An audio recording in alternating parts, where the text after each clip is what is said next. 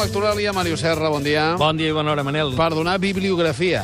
Sí, senyor, acabeu de fer un assaig esplèndid eh, d'aproximació a la figura de Tàpies. Moments Aquí ara- impagables aquest matí, la passejada amb bé. Giral Miracle, per, Certament. per tota l'obra, amb el Xavier Antic donant-nos claus per, per, per poder gaudir encara més de- D'aquests de llenguatges, Tàpies. eh? I un moment impagable. Mhm. És a dir, Pere Jaume i Miquel Barceló parlant sobre Tàpies eh, Mhm. ha sigut, vaja, un, una delícia eh, poder-los escoltar.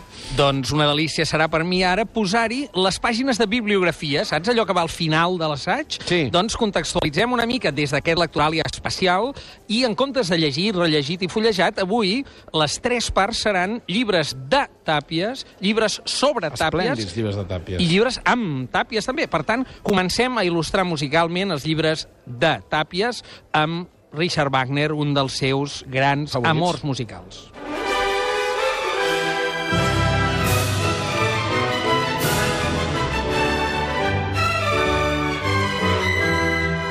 Doncs amb Wagner de fons, Amb de quins Wagner- llibres parlem? Mira, parlem de quatre llibres, dels quals en direm els títols així tot seguit, però que recullen un, eh, innom, eh, un gran nombre d'articles de reflexió sobre el seu art que ell publicava en premsa.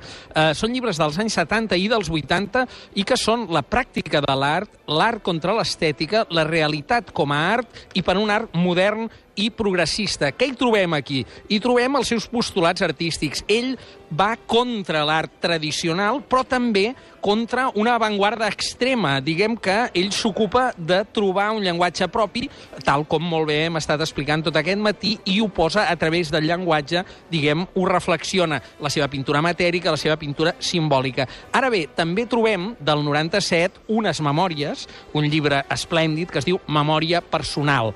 Jo voldria, re, llegir només un fragment perquè veiem la seva prosa, eh, un fragment prou conegut, divulgat després, quan ell eh, fa el clic que el porta a fer un canvi en la seva pintura i s'acosta al mur, als grafits, eh, del qual parlàveu abans. I fa així, diu, el mur és una imatge que vaig trobar una mica per sorpresa. Fou després d'unes sessions de pintura en les que em barallava tant amb el material plàstic que utilitzava i l'omplia de tal quantitat d'esgarrapades que de sobte el quadre canvià donant salt qualitatiu i es transformà en una superfície quieta i tranquil·la. Em vaig trobar amb que havia pintat una paret, un mur, el qual es relacionava a la vegada amb el meu nom. I aquí és quan ell, diguem, agafa eh, aquest eh, aire, diguem, del pintor dels murs. Mhm, L'any 97 escrivia això. Certament està publicat en el 97 i eh, mirant enrere, no? Sí. Eh, a veure, les seves reflexions són eh, per al públic general, eh? No estem parlant d'uns textos d'un gran eh, refistolament, de fet, eh? com els seus quadres, com aquí s'ha dit. És Sí. pel públic general. I- però, i, perquè eh, t'impacti a, a la teva manera. Totalment. I, I hi ha hagut, eh, crec que un oient que eh, avui ha definit la seva pintura com a realista, que ha estat prou remarcada des de la tertúlia. Deixa'm que a jo una, una, cosa més, una molt, cosa més dels oients, perquè Sí. en, en Pep López ha, ha vingut i ens ha, i ens ha deixat un, un escrit que ell ha fet al voltant de Tàpies. Molt bé. Diu, terra trepitjada, conreada, violada, àrida, austera, la teva obra, un haiku. Peu mitjó foradat, fent camí a l'infinit. Incògnita transformada en art, esculls vençuts en un món orb, silenci claustral, refugi, creació. Sempre els artistes susciten creació. No? Mhm. eh, diguem, en aquest sentit, són agents provocadors. Inspiradors. clarament. Aquell foc que diu en Pere Jaume que, que, que, que es guarda coses encara per seguir entrant en combustió. Exactament. Després dels llibres de Tàpies, que són llibres, el de la memòria especialment proper i els altres més de caire reflexiu sobre la seva obra, hi ha moltíssim un reguitzell que no eh, acabaríem, i, i per això te n'he fet una selecció, de llibres sobre Tàpies. Aquest, però, m'ha agradat il·lustrar-lo, no pas amb Wagner, sinó amb una obra eh, molt més propera dels Antònia.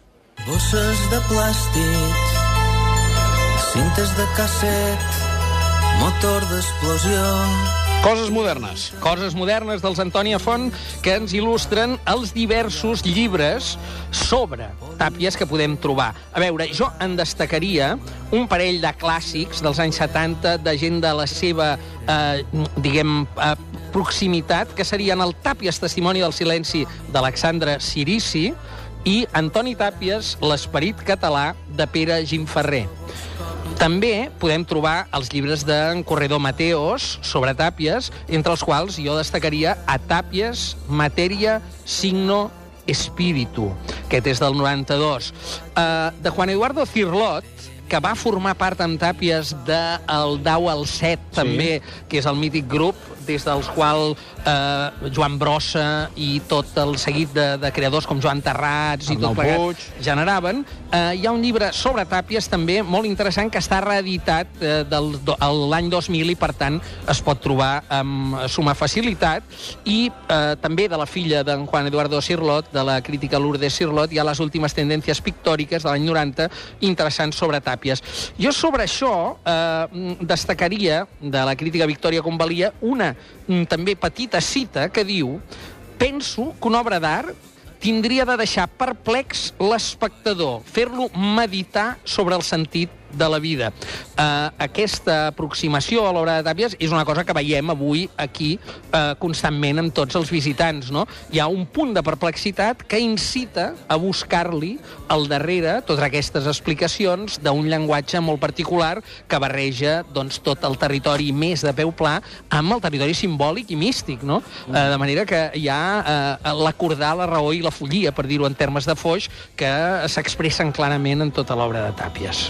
I ara ens en anem als llibres amb tàpies. Sí, aquests llibres amb tàpies, aquesta tercera part eh, eh, de, de l'electoràlia d'avui, és perquè, més enllà de remarcar un cop més el grup de Dau al 7, un grup eh, important en el qual abans ens deixàvem en Modest Cuixart i en Joan Pons també, al costat d'Arnau Puig i de Joan Brossa i d'en Cirlot. Sí. Mm, més enllà d'això, en, Joan, en, en Tàpies va mantenir una relació amb Joan Brossa molt estreta. I aleshores hi ha molts dels poemaris de Joan Brossa, El pa a la barca del 63, Frégoli del 69, Nocturn matinal del 70, Poems from the Catalan del 73 o U no és ningú del 79, que estan il·lustrats per Tàpies. Tàpies va il·lustrar diverses coses, diversos llibres, eh? Té, però especialment en sintonia en aquella època amb Joan Brossa. I fins i tot en va fer l'escenografia d'una de les obres, de les peces teatrals Brossa, que és Or i Sal, l'any 61. Per tant, hi havia aquí una aproximació eh, que l'acostava a altres llenguatges que en el cas de Brossa també es va costar més a la literatura, però mantenint eh, les arts plàstiques i un llenguatge propi de la poesia visual, en aquest cas, com a patrimoni, no? I per acabar, una cosa poc coneguda, però un petit tast que el deixarem en l'aire perquè avui aquí eh, mostra la Fundació Tàpies que Tàpies és un llenguatge de futur.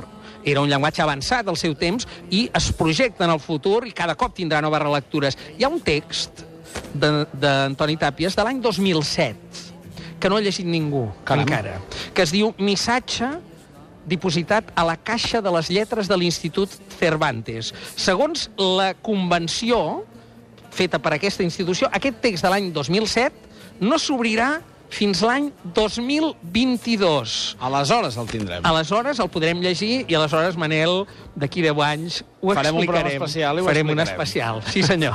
Moltes gràcies, Màrius. A reveure.